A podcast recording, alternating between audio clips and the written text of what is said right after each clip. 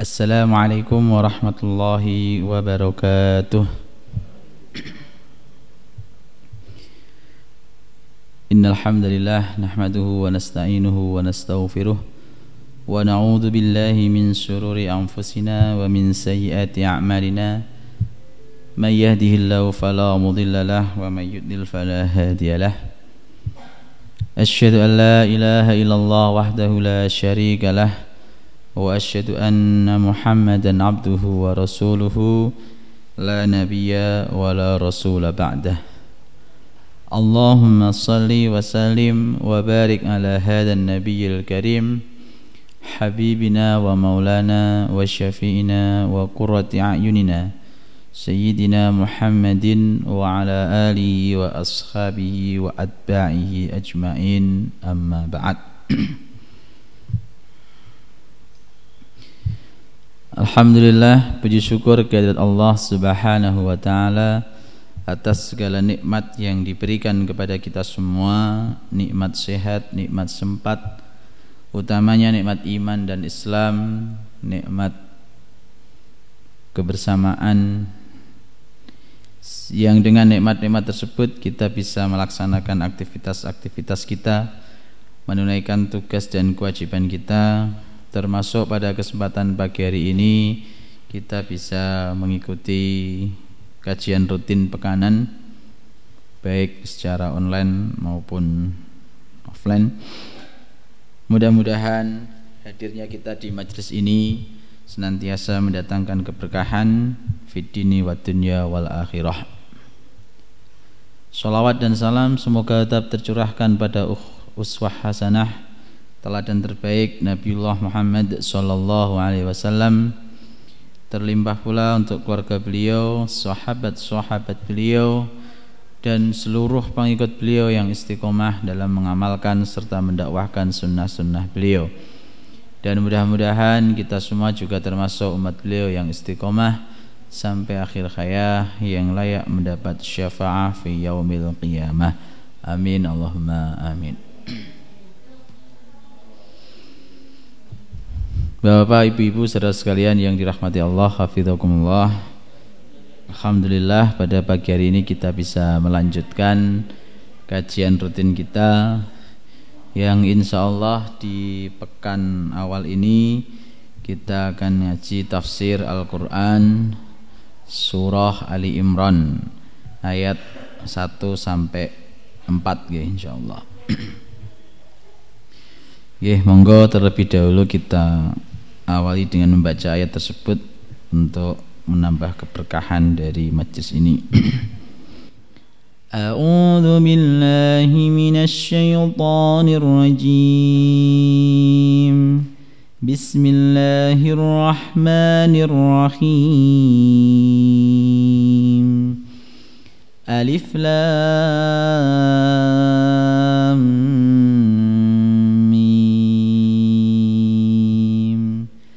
الله لا إله إلا هو الحي القيوم. نزل عليك الكتاب بالحق مصدقا لما بين يديه مصدقا لما بين يديه وأنزل التوراة والإنجيل. من قبل هدى للناس وأنزل الفرقان. إن الذين كفروا بآيات الله لهم عذاب شديد. والله عزيز ذو انتقام. Allahumma arhamna bil Qur'an. Allahumma arhamna bil Qur'an. Allahumma arhamna bil Qur'an. Di surah Ali Imran ini Allah Subhanahu wa taala mengawali firman-Nya dengan huruf muqatta'ah. Alif lam mim. Ini menurut uh, para ahli tafsir ada macam-macam ya. Ada yang mengatakan ini nama surat ada yang mengatakan ini singkatan dari Allah a'lamu bimuradih ada yang mengatakan ini maknanya tidak ada yang tahu kecuali Allah Subhanahu wa taala. Jadi untuk amannya ketika kita menjumpai huruf muqatta'ah ini bagian dari sesuatu yang hanya diketahui Allah Subhanahu wa taala. Karena memang e, sebagaimana kita ketahui dalam Al-Qur'an itu ada ayat muhkamat, ada ayat mutasyabihat. Nah, menurut para tafsir ini termasuk salah satu ayat mutasyabihat yang tahu hanya Allah sehingga kita tidak memperpanjang masalah khilaf di penafsiran huruf-huruf muqatta'ah yang menjadi awal surat. Kita masuk ke ayat kedua Allahu la ilaha illa huwal hayyul qayyum. Allah tidak ada Tuhan yang berhak disembah kecuali Dia. Jadi makna la ilaha ay la yastahiqul ibadah. Jadi tidak ada yang berhak untuk disembah kecuali Allah. Ini kalau di, uh, salah satu makna tafsirnya gitu. Jadi kalau diterjemah tidak ada Tuhan kecuali Dia, mungkin praktek di lapangan keliru.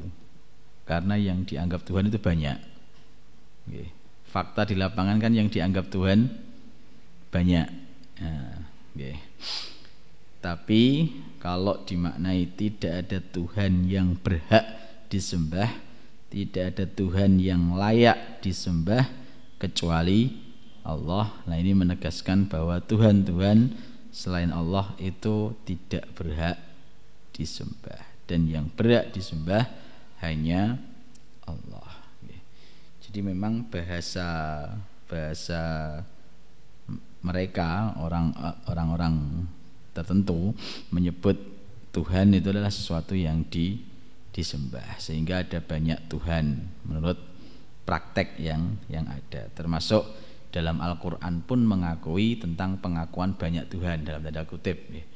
Ketika di surah Az-Zumar itu ya aj'alal alihata ilaha wahidah itu. Jadi mereka menjadikan Tuhan apakah pengen Muhammad itu menjadikan Tuhan-Tuhan yang banyak itu dijadikan Tuhan satu? Jadi ungkapan itu diabadikan Allah di dalam ayatnya hal makna dari la ilaha tidak ada Tuhan yang berhak disembah, yang berhak diibadai kecuali Allah. Nah, dari ayat-ayat inilah kemudian eh, beberapa ulama nanti mengelompokkan ada tauhid yang namanya tauhid ulu uluhiyah karena diambil dari la ilaha illallah. Kalau di beberapa kitab kan disebutkan ada tauhid rububiyah, uluhiyah, ada tauhid asma wa sifat. Nah, salah satu yang menjadi dasar pembagian itu adalah uh, la ilaha illahu ini dijadikan uh, tauhid uluhiyah. Yeah. Sedangkan uh, konsekuensi makna tidak ada Tuhan yang berhak disembah selain Allah ini menunjukkan tidak ada pengabdian yang total, tidak ada penghambaan yang total 100% kecuali menghamba mengabdi kepada Allah Subhanahu wa taala. Jadi sebagaimana yang kita ketahui bahwa salah satu makna Tuhan itu kan disembah ya.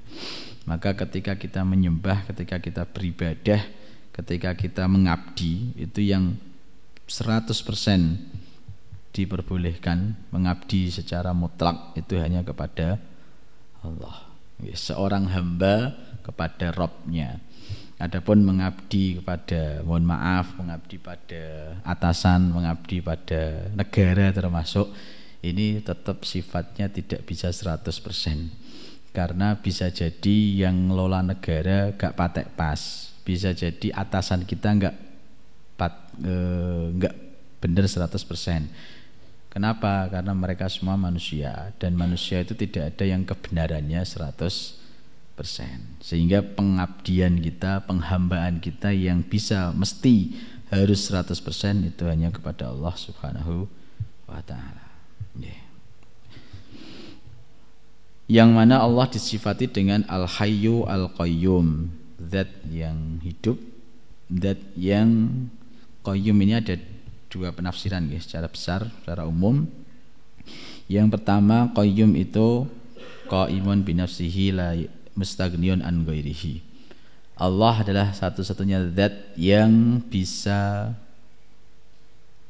mandiri tidak membutuhkan siapa pun. Satu-satunya zat yang bisa tanpa butuh pada yang lain selain Allah tetap membutuhkan yang lain. Apalagi manusia seperti kita-kita ini masih butuh banyak bantuan orang lain. Masih butuh bergantung pada orang lain dalam tanda kutip. Karena memang satu-satunya yang koyum itu Allah Subhanahu wa taala. Sehebat apa pun manusia, setinggi jabatan manusia tetap dia punya e, pembantu yang membantunya. Bahkan semakin tinggi jabatan mungkin semakin banyak pembantunya. Berbeda dengan Allah, zat yang maha tinggi, maha kuasa, tapi tidak butuh pembantu, tidak butuh bantuan. Kalau ada yang menyangkal, lah itu kenapa Allah punya malaikat yang sebagai pembantunya, Allah sebenarnya tidak butuh bantuannya, tapi untuk menunjukkan kekuasaan Allah, Allah punya hamba yang diutus untuk menurunkan hujan, diutus untuk menyampaikan wahyu, ini bukan berarti Allah butuh bantuan, tapi menunjukkan kekuasaan Allah bahwa Allah bisa berkuasa di atas segalanya. Berbeda dengan e, manusia, termasuk kita, termasuk atasan-atasan, sehebat aun dia tetap nggak bisa berdiri sendiri, mesti butuh. Seandainya misalkan mohon maaf ditinggalkan bawahnya semua, ditinggalkan orang lain ngurusi hidupnya sendiri, nggak bisa. Nah seperti itu.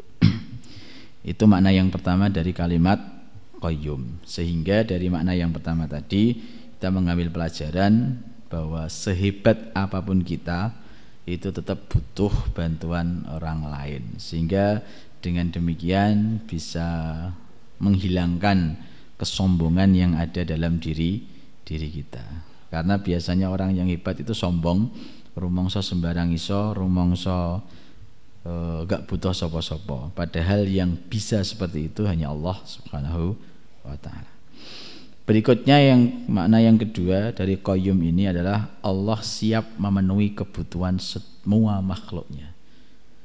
Jadi Allah selain dia nggak butuh sama siapa pun, Allah juga siap memenuhi kebutuhan semua makhluknya, termasuk kebutuhan kita termasuk kebutuhan makhluk selain kita.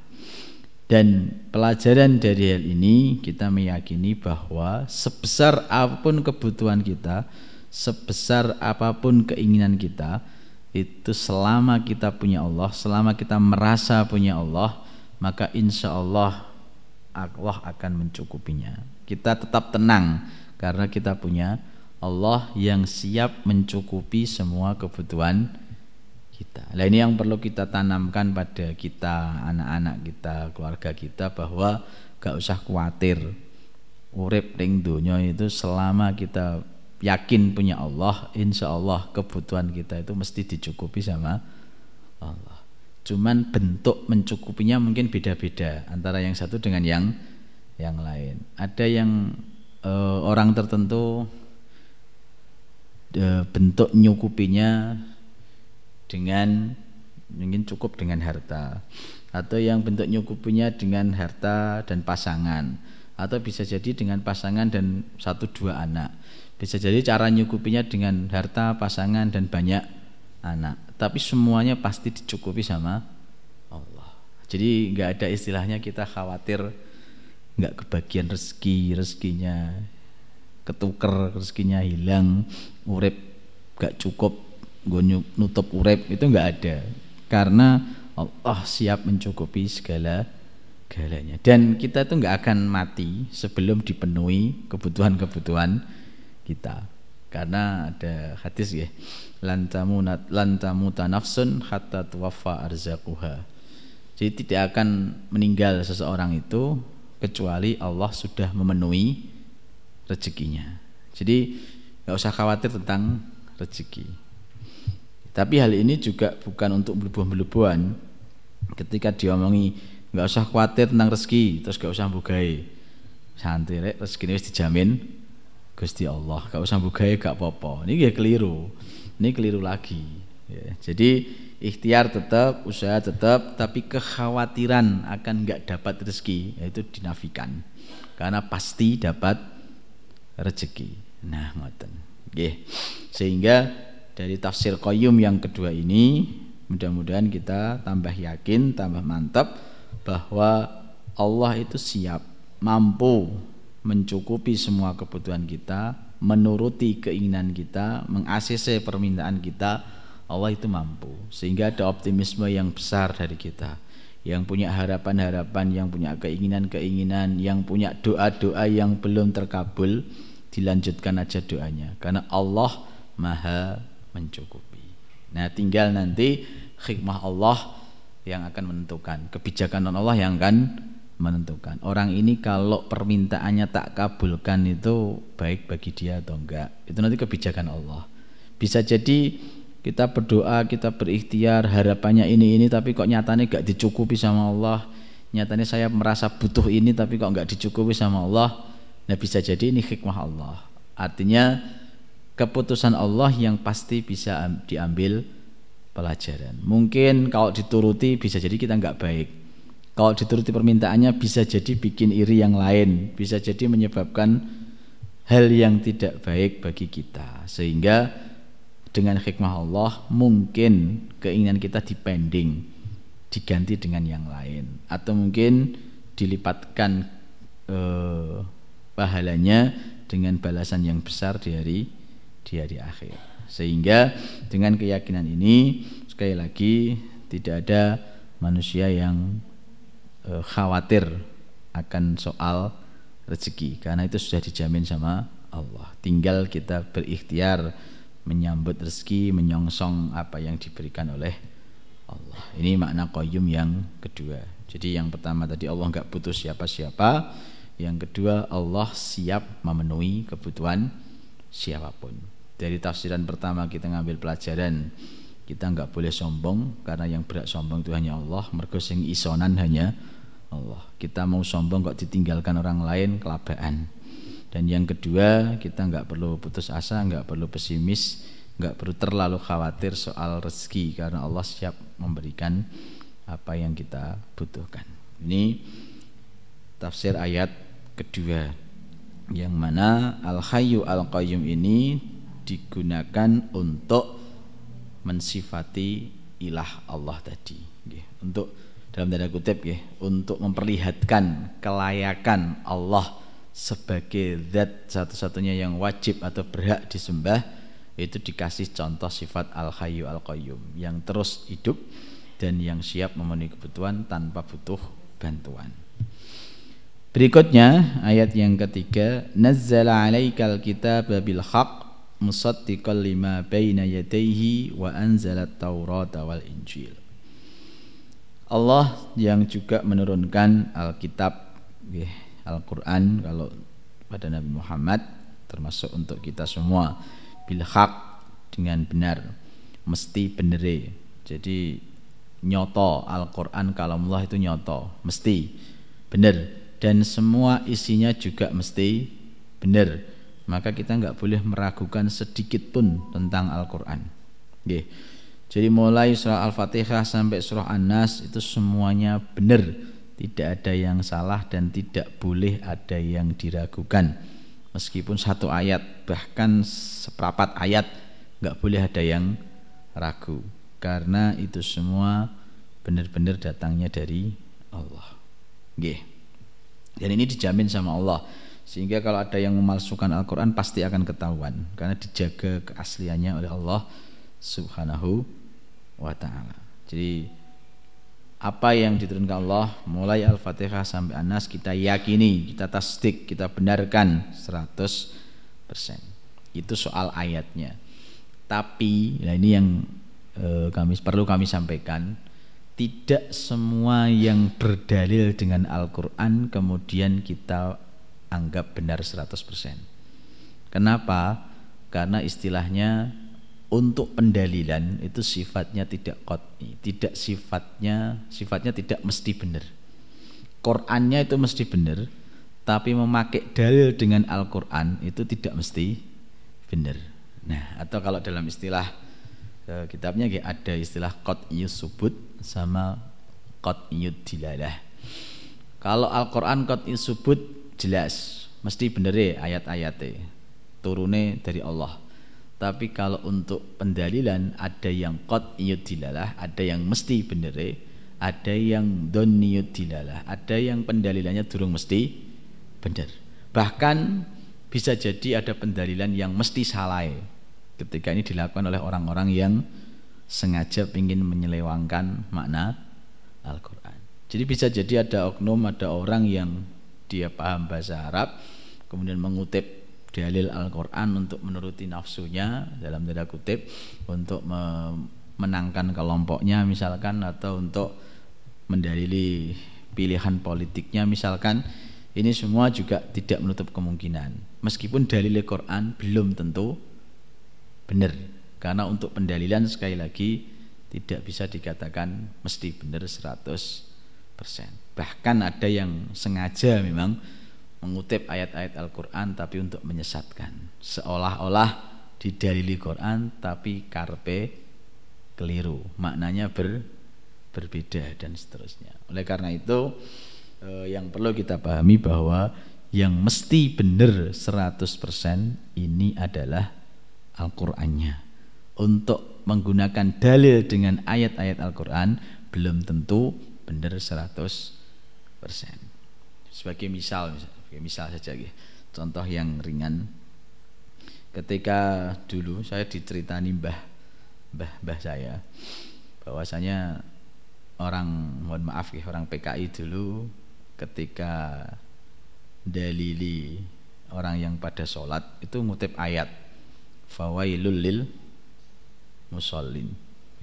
Jadi orang-orang yang kurang paham dengan agama mohon maaf orang Islam yang kurang eh, paham dengan ayat Al-Quran dicuplikkan satu ayat fawailul lil musallin dibacakan terjemahnya. Celaka bagi orang yang sholat. Dah sampai situ tok.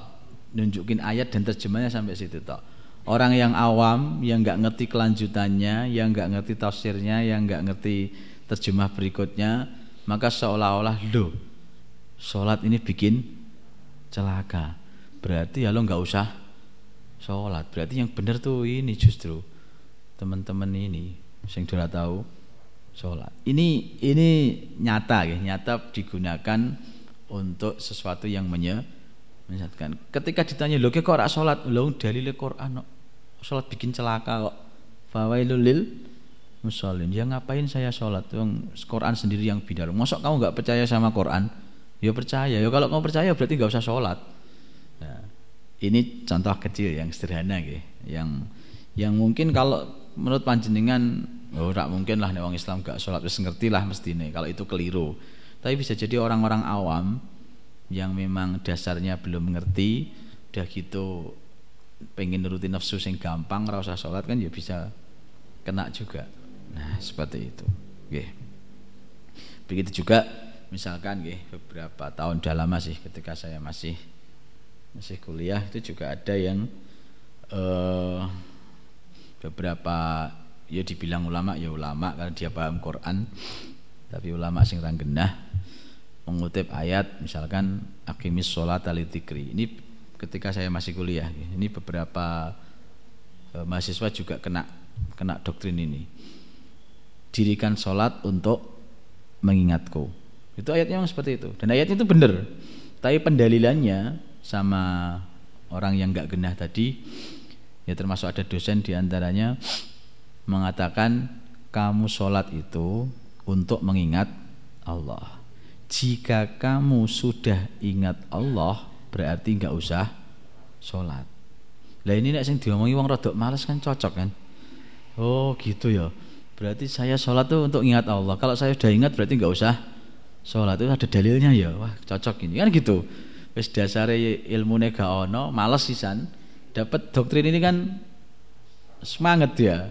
Nah, wah tenang ternyata ada ayatnya kok. Kita nggak tuh nggak apa-apa. Selama ingat Allah. Dan itu pernah pernah pernah rodok santer. Meskipun tentunya tadi ya orang yang disasar ya orang-orang yang yang awam yang mungkin baru belajar plus sing rodok males sisan. Insya Allah jenengan nggak kenal lah doktrin ini gimana? Oh argumennya. Yang benar gimana? Ketika ada akimis sholah lidikri jadi kamu sholat itu untuk mengingatku. Kalau sudah ingat aku nggak usah sholat. Nah ngeten. Jadi lam di situ benar li taklil tapi tidak berlaku mafhum mukhalafah. Yang benar itu salah satu cara agar kita selalu ingat Allah itu dengan sholat nah jadi maknanya seperti itu salah satu cara agar kita ingat Allah, selalu ingat Allah itu dengan sholat. Dan untuk uh, membiasakan diri ingat Allah itu sering-sering sholat. Mananya seperti itu. Jadi bukan kemudian dibalik kalau sudah ingat Allah nggak perlu sholat. Enggak. Jadi sholat itu salah satu cara agar kita selalu ingat Allah. Seperti itu. Sehingga Eh, nggak bisa kemudian tadi dipahami berarti kalau sudah ingat Allah nggak usah sholat boten boten ngoten nah seperti itu itu contoh guys contoh eh, pendalilan meskipun pakai ayat tapi tidak bisa di dibenarkan bahkan itu jelas-jelas salah. Belum nanti eh, yang sifatnya bisa benar bisa salah itu juga juga juga banyak. Karena tadi saya bilang bahwa kalau soal pendalilan itu sifatnya doni doni itu nggak bisa dikatakan benar 100% termasuk ulama-ulama lurus pun antara yang satu dengan yang lain bisa jadi pendalilannya ber, berbeda. Maka di sini sifatnya ketika itu dhoniyut dilalah tidak boleh langsung saling menyalahkan ketika sifatnya dzunniyyut dilalah. Tapi kalau yang dilalahnya cetol jelas yang ulama sepakat maka qat'i mesti benar ya, seperti itu. Nggih. Kembali ke ayat bahwasanya nazzala 'alaikal kitaba bil haqq. Musaddiqal lima baina. Yang Al-Qur'an ini membenarkan kitab sebelumnya kitab sebelumnya ya kita tahu ada Taurat, Injil, eh, Zabur. nah, makna membenarkan di sini ketika tentang hal yang sama, tentang keimanan, maka membenarkan, menguatkan, meng-ACC dan seterusnya. Tapi ketika tentang syariat yang berbeda, maka musaddiqon di sini maknanya mukamilan, menyempurnakan. Artinya bisa jadi ayat ini juga dipleset ke. Lu wong Quran itu membenarkan kitab sebelumnya. Berarti kitab sebelumnya itu mesti di ACC Al Al-Quran. Berarti kita ngamal ke kitab sebelumnya juga boleh-boleh saja. Wong itu dibenar ke Al-Quran. Ini juga keliru. Karena makanya kita perlu baca tafsirnya. Untuk hal yang sama maka sifatnya membenarkan, menguatkan. Tapi untuk hal yang berbeda, syariat yang berbeda, maka sifatnya menyempurnakan. Karena memang ada syariat-syariat yang berbeda antara umat terdahulu dengan umat Islam. Memang ada beberapa syariat itu berbeda. Sehingga musaddiqon di sini sekali lagi tidak berarti kemudian meng-ACC semuanya. Ada yang di ACC dikuatkan lagi khususnya tentang keimanan-keimanan. Tapi ketika sudah membahas masalah syariat, itu sangat mungkin ada perbedaan dan di sini sifatnya Al-Qur'an menyempurnakan. Oke. Jadi misalkan nggih sebagai contoh kalau dulu yang mungkin pernah disinggung masalah puasa. puasa umat terdahulu itu beda dengan kita. Umat terdahulu itu puasanya, syariatnya, aturannya ketika sudah tidur dia nggak boleh makan lagi sampai maghrib. Tidur malam ya, misalkan jam 8 tidur, maka dia nggak boleh makan lagi sampai maghrib. Kalau kita kan nggak, jam 8 tidur, jam 4 bangun sahur, jam 3 bangun sahur atau jam 12 ngelilir, mindo boleh. Kalau dulu enggak. Nah, ini beda. Lah meskipun dikatakan membenarkan, membenarkan di sini menyempurnakan. Kalau karena itu terlalu berat, dah diringankan aja.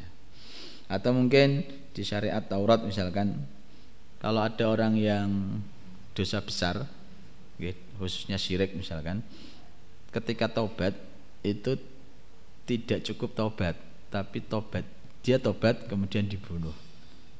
Jadi tidak diberi kesempatan hidup. Tapi sudah tobat-tobat dulu terus dibunuh. Kalau sekarang syariat Islam kan enggak. Kalau udah tobat ya udah dia bisa menikmati hidup seterusnya. Nah ini semua untuk menyempurnakan dalam tanda kutip ada di yang terdahulu yang sama dilanjutkan yang beda di berarti ada penyempurnaan penyempurnaan. Kemudian kalau ada yang nyangkal, lo berarti Allah itu nggak ngerti ya mana yang pas ya? Kok perlu disempurnakan? Kok kitabnya ada yang gonta-ganti ada yang diupdate diedit berarti Allah itu nggak ngerti ya yang sempurna itu sampai ada perubahan perubahan. Kalau ada yang nyangkal seperti itu maka jawabnya zaman dulu yang paling sempurna itu seperti itu dilihat dari kondisi umatnya saat itu zaman sekarang yang paling sempurna yang semacam ini. Jadi Allah Maha sempurna sehingga yang diturunkan pun kesempur. Nah, karena kan sangat-sangat bisa dipahami ya, tipikal orang dulu dengan sekarang itu berbeda. Sehingga aturannya juga perlu berbeda seperti itu. Jangankan dengan umat terdahulu, sesama umat Nabi Muhammad aja kadang antara yang zaman dulu dengan zaman belakangan ketentuannya sudah ber, berbeda sehingga ada istilah nasah dan mansuh. Ada hukum yang menggantikan, ada hukum yang digantikan. Kan seperti itu. Sehingga eh, sekali lagi kalau ada yang menyangkal berarti Allah nggak ngerti dong. Butuh proses dong untuk menuju sempurna. Enggak.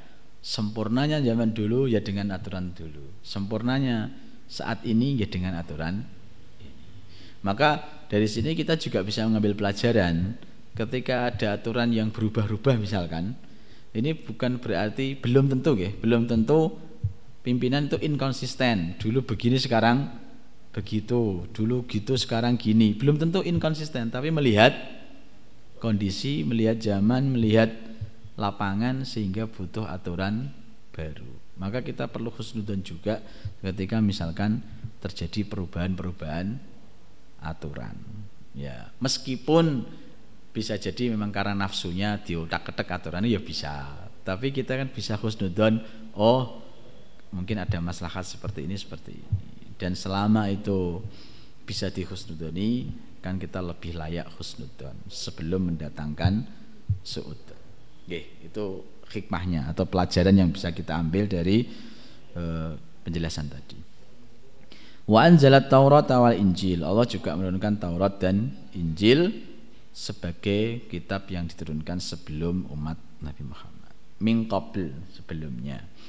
Tujuannya hudal linnasi wa anzalal furqan. Nah Allah menurunkan kitab-kitab termasuk Taurat Zabur Injil dan untuk kita kitab Al-Qur'an itu tujuannya adalah hudal linnas sebagai petunjuk sebagai pedoman bagi manusia sehingga seharusnya manusia ketika berpedoman pada Al-Quran itu insya Allah diberi petunjuk.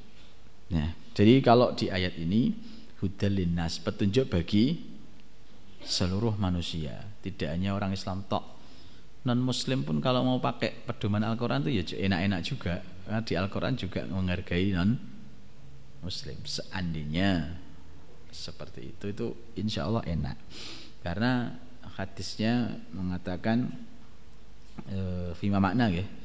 Al-Qur'an itu man nataqa bi sadaq wa man hakama bi adal wa man istahda wa man ihtada bi faqad hudiya ila siratim mustaqim. Jadi Rasulullah menyampaikan bahwa siapa yang mengucapkan sesuai dengan Al-Qur'an itu mesti ucapannya benar. Siapa yang menetapkan hukum sesuai dengan Al-Qur'an mesti hukumnya adil. Siapa yang mengambil pedoman, mengambil petunjuk dari Al-Qur'an pasti dia ditunjukkan jalan yang lurus. Itu kata Rasulullah. Oleh karena itu eh, ketika ada hukum-hukum maka merujuknya pada Al-Qur'an. Itu yang paling pas, yang paling bagus. Ya, tidak diragukan lagi. Dan ketika kita mau menjadikan pedoman hidup kita Al-Qur'an, maka insya Allah kita akan ditunjukkan jalan yang lurus. Nah sayangnya itu kadang umat Islam sendiri aja nggak paham Al-Quran, nggak mau memahami Al-Quran, nggak mau ngaji Al-Quran. Gimana Al-Quran itu bisa dijadikan pedoman? Wong kenal aja enggak, paham aja enggak, mau coy gak iso, meneh karpe. Nah oleh karena itu dengan uh, kajian tafsir seperti ini mudah-mudahan ini bagian dari ikhtiar, ikhtiar kita semua untuk sedikit demi sedikit memahami Al-Quran sehingga bisa menjadikan Al-Quran ini sebagai petunjuk kehidupan pembimbing kita selama kita mengarungi hidup dan janji Rasulullah janji Allah pasti. Ketika yang kita jadikan pedoman itu Al-Quran faqad hudiya ila siratim mustaqim. Pasti akan ditunjukkan ke jalan yang yang lurus. Oke. Okay. oke. Selain itu Al-Quran juga e, bisa menjadi pedoman untuk membedakan mana yang benar dan mana yang salah, mana yang hak, mana yang batil, mana yang keliru, mana yang pas benar. Ya, karena memang e, di Al-Qur'an sudah dijelaskan insya Allah lengkap mana yang halal, mana yang haram, mana perbuatan yang baik, mana perbuatan yang tidak baik. Sehingga kita jadikan patokan itu bisa ya, bisa menjadi pelindung bagi kita untuk selalu memilih yang benar, memilih yang baik. Selanjutnya, innal ladzina kafaru bi ayatillahi lahum adzabun syadid. Sesungguhnya orang-orang yang mengingkari ayat-ayat Allah maka bagi mereka adab yang pedih. Nah, di sini terkait mengingkari Allah itu maknanya macam-macam ya ada yang memang kufur dalam artian mengingkari dia sama sekali tidak percaya kalau Al-Quran itu kalamullah sebagaimana orang-orang dulu yang menganggap bahwa itu adalah asatirul awalin dongeng-dongeng masa lalu. Tidak yakin kalau itu kalamnya Allah. Ada yang mengatakan itu sihir yang ucapannya Muhammad dan seterusnya. Ini jenis kekafiran. Ada juga yang model kafirnya itu kafir juhud. Dia sebenarnya ngerti kalau itu kalamullah tapi dia menentang. Entah karena gengsi atau mungkin karena khawatir pengikutnya hilang dan seterusnya. Jadi dia mengerti dia yakin dia paham bahwa Al-Quran itu janjinya memang Allah yang nurunkan. Tapi saya nggak mau iman. Karena kalau saya iman berarti pamor saya kalah. Karena harus mengikuti Muhammad. Atau kan kalau dunia sekarang kalau saya mengikuti itu eh, panganku hilang. Dia percaya Al-Quran dari Allah, tapi kalau saya pakai itu panganku hilang ya, dan seterusnya. Ini termasuk jenis kafir juga. Jadi dia percaya kalau Al-Quran itu turun, diturunkan Allah, tapi dia menentang karena dengan alasan tadi entah egois atau khawatir eh, pangannya hilang dan seterusnya. Dan ini salah satu yang termasuk orang yang model ini itu kalau menurut riwayat itu termasuk Abu Jahal. Abu Jahal itu sebenarnya orang yang tahu hatinya sebenarnya itu sudah mengakui kalau Al-Quran itu istimewa, luar biasa. Itu nggak mungkin omongannya ponaanku. Itu benar-benar omongannya Allah. Dia yakin seperti itu sehingga Saking takjubnya dia itu sering nguping, ngintip-ngintip mendengarkan ayat-ayat yang dibaca Nabi. Karena dia senang, dia ngakui kalau itu benar, kalau itu bagus. Cuman ketika konangan sama temennya, lu kamu ternyata ini yo mau jadi pengikutnya Muhammad." Eh, sorry ya, saya cuman lewat kok. nggak sengaja denger aja. Nah, mulai itu kemudian eh, tambah memunculkan menunjukkan bahwa gengsi dong saya kalau ikut padahal artinya aslinya mengakui itu contoh contoh eh, kafir dari sisi sebenarnya percaya tapi menentang mengingkari itu juga sama statusnya. Termasuk bisa jadi ya eh, mohon maaf sebagian kalangan juga saat ini ada yang seperti itu. Ngerti kalau Quran benar ngerti kalau Quran baik tapi dia masih menolak masih menentang. Entah karena gengsi karena takut atau mungkin karena apa. Dan itu masuk jenis kekufuran. Termasuk juga yang disebutkan di tafsir salah satu jenis kekufuran adalah dia mempercayai ayat dia juga menggunakan ayat tapi menyimpangkan makna ayat seperti contoh-contoh tadi itu juga bagian dari kekufuran.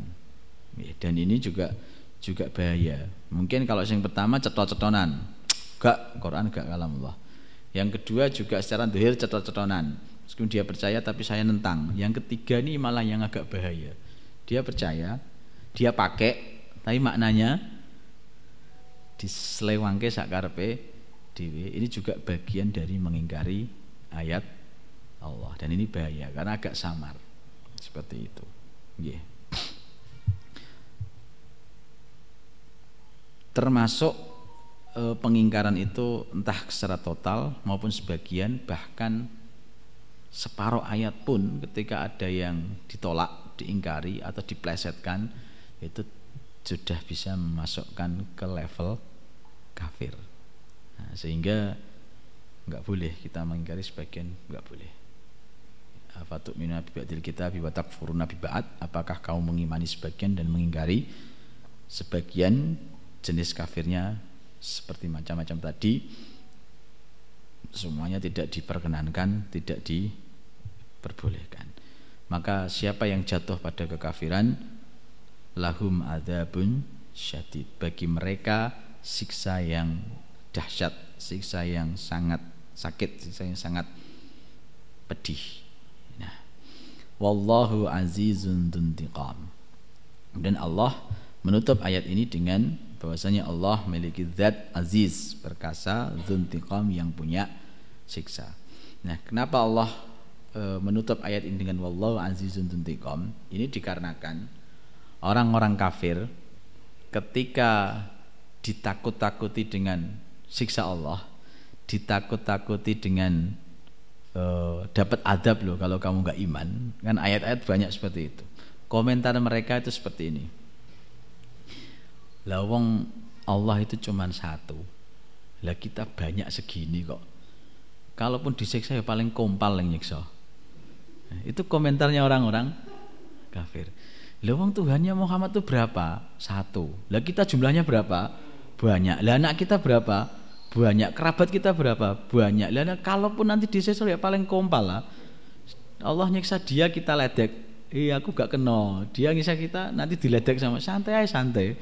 Itu komentarnya orang orang-orang kafir. Jadi Yus kurang ajar pol, gak iman je ngenyak sampai seperti itu. Nah, jadi mereka seperti itu sehingga ayat ini ditutup dengan azizun tuntikau yang benar-benar perkasa siap nyiksa semua. Jangankan orang kafir sebagian seandainya seandainya loh menusuk kafir kafir nyiksa ya, mampu. Nah, ini eh, jawaban ini untuk menjawab dalam tanda kutip ledekan orang-orang orang-orang. Maka kadang kadang kita juga kalau bercanda rotok nabrak-nabrak ke Allah ya itu bahaya. Ya. Jadi kalau bercanda itu jangan sampai membawa-bawa nama nama Allah. Ya. Jadi is pokoknya yang yang sudah disampaikan Allah jangan digunakan untuk bercanda. Ya. Jadi kalau misalkan e, Nabi mengatakan almaru ma'aman ahabba orang itu nanti bersama orang yang dicintai wah kebenaran no saya tak mencintai siapa biar besok kumpul di sana. Nah itu weh, bahaya. Kalau kumpulnya di surga sih nggak masalah. Kalau kumpulnya di neraka ya repot. Nah, karena kan juga buat juga bercandaan kan. Wah neraka jari ini panas kok. So. es kan laris. Itu juga bahaya loh itu. Meskipun niatnya bercanda.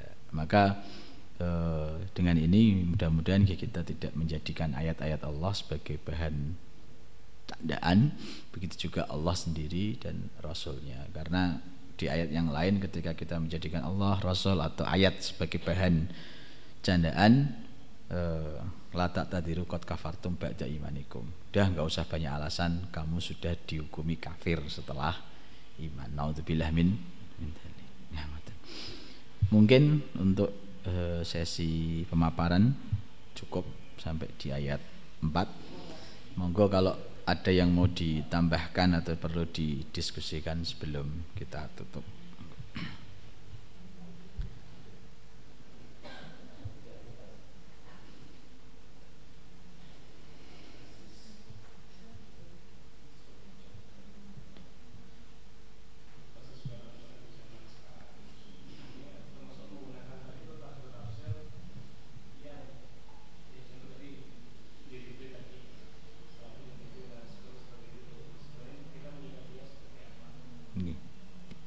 Okay.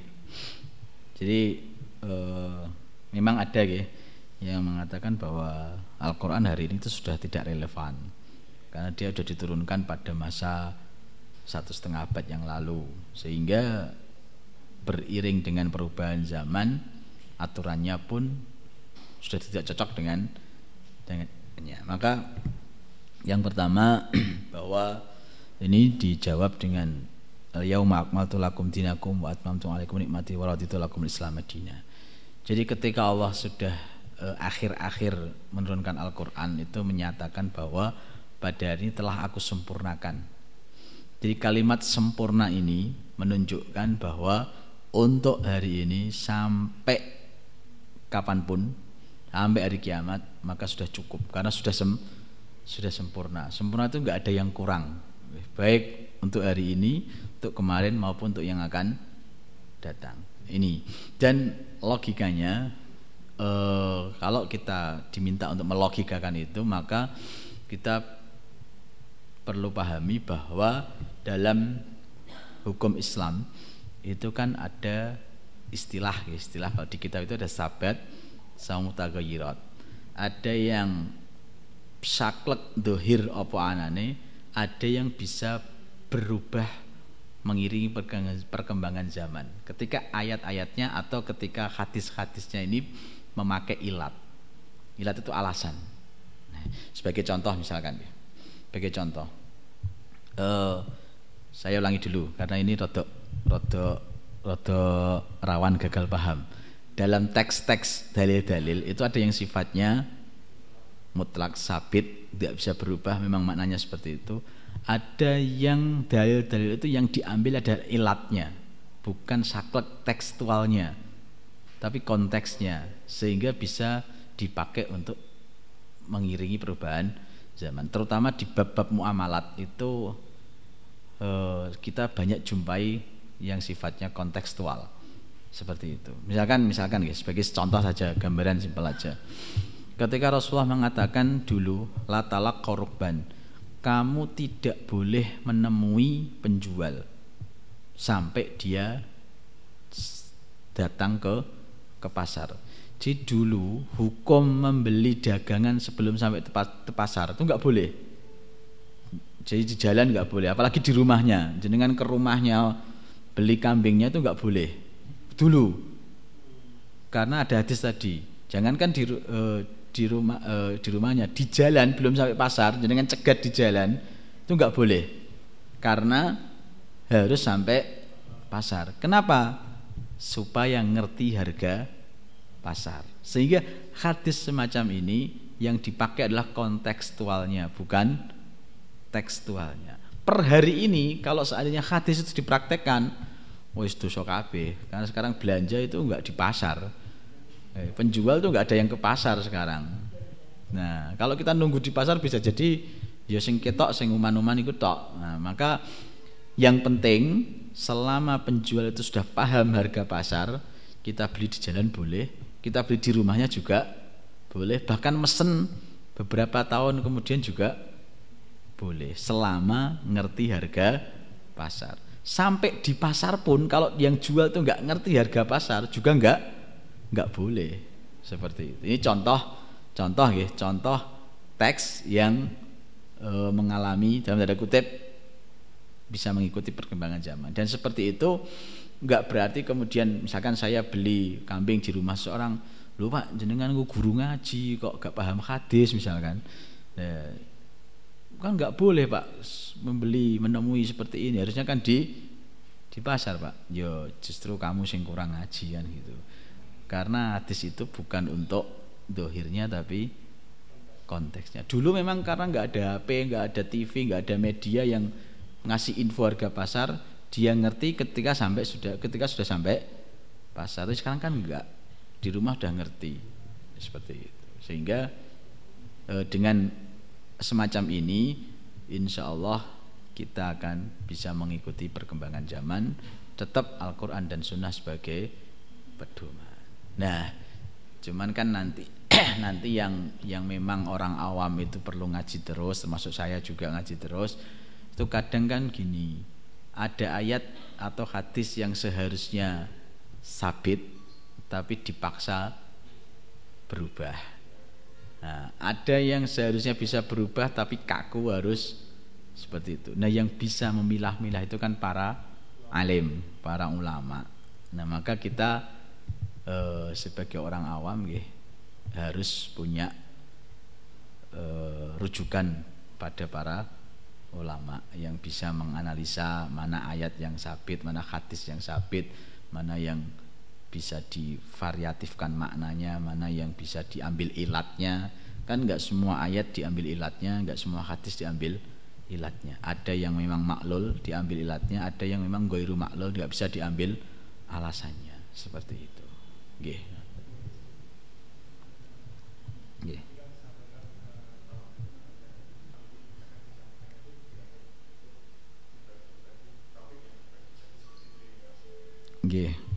Nggih. Ngeten. Tadi saya sebutkan bahwa sebagian ulama menyebutkan pembagian tauhid ada uluhiyah, rububiyah dan asma wa sifat.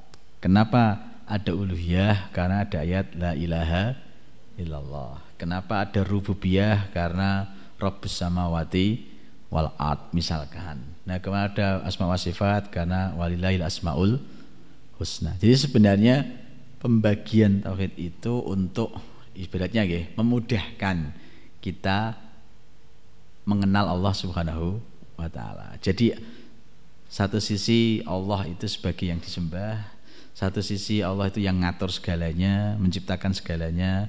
Satu sisi Allah juga tersifati dengan sifat-sifat yang baik, nama-nama yang baik. Ini tidak kemudian menunjukkan ada ilah sendiri, ada Rob sendiri, ada asma wa sifat sendiri tidak sehingga e, pembagian itu sekali lagi istimbatnya dari ayat-ayat tadi karena ayatnya mengatakan la ilaha berarti ini fokusnya tentang sesembahan peribadahan ketika ayatnya pakai rob berarti fokusnya tentang bahwa Allah itu yang menciptakan mengatur dan segalanya kalau tentang asma wa berarti e, fokusnya mengatakan bahwa Allah itu tersifati dengan sifat-sifat yang mulia, punya nama-nama yang baik. Sehingga e, pembagian itu tidak bisa disalahkan. Nah, cuman pembagian itu juga tidak harus dalam tanda kutip ya, tidak harus dipaksakan orang menerima bagian itu. Dalam artian kudu ini berbagi telu. Karena pembagian itu kan tadi istimbat dari ayat. Jadi misalkan ada orang tauhid ono piro, tauhid ono siji, misalkan Ya enggak keliru juga karena pembagian itu kan tadi istimbat dari ayat yang bisa bisa yang sifat kebenarannya itu tidak harus 100%. Tapi disalahkan juga enggak bisa karena istimbat itu dari ayat. Ada uluya, ada rupiah. Nah, yang penting tuh gini. Ini ada tulisan tulisan uh, bagus lah menurut saya dari yang mengatakan bahwa uh, antara bagi yang membagi tauhid menjadi tiga tadi tetap harus ada eh, penyataan bahwa yang mengimani tauhid uluhiyah ya otomatis rububiyah, yang mengimani tauhid rububiyah ya otomatis mengimani uluhiyah. Karena eh, tidak semua kalimat Rob dalam Al-Qur'an itu fokusnya tentang penciptaan, pengaturan dan seterusnya. Tapi ada kalimat Rob dalam Al-Qur'an yang maknanya peribadatan. Okay. Jadi ketika uh, Allah Subhanahu wa taala membahas tentang uh, kamu mentaati hukum-hukum selain Allah itu kan belakangnya pakai arbaba. Pakai Tuhan-Tuhan. Yang mana mestinya kalau soal peribadatan penyembahan ketaatan itu pastinya pakai ilaha atau alihah.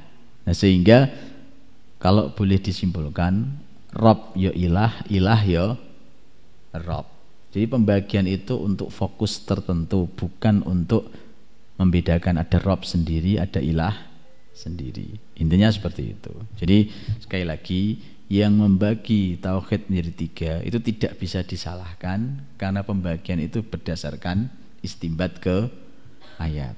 Kalau misalkan belakangnya lagi ada ulama yang membagi tauhid jadi empat, karena kan ada ulama juga yang menambahkan uluhiyah, rububiyah, asma wa sifat tambah mulkiyah tentang kekuasaan, tentang kerajaan, tentang eh, ngatur-ngatur hukum itu atau hakimiyah.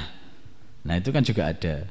Nah, maka pembagian itu sifatnya istimbat terhadap ayat. Tidak bisa disalahkan, tapi tidak bisa memaksa tauhid ada berapa? Tiga. Nek jawabnya empat keliru, nek jawabnya siji keliru. Nah, itu yang tidak bisa. Nah, ngoten. Jadi di situ saja sebenarnya. Tapi makanya kesimpulannya yang membagi tauhid menjadi tiga tidak bisa disalahkan. Yang membagi menjadi empat tidak bisa disalahkan. Yang membagi menjadi lima tidak bisa disalahkan karena istimbatnya sama-sama ke ayat. Yang tauhid itu si tok rasa dibagi-bagi itu juga tidak bisa disalahkan. Tapi jangan mengatakan yang bagi tiga trinitas. Jangan yang bagi empat terus berarti Tuhan empat itu juga keliru yang ngomong seperti itu. Seperti itu.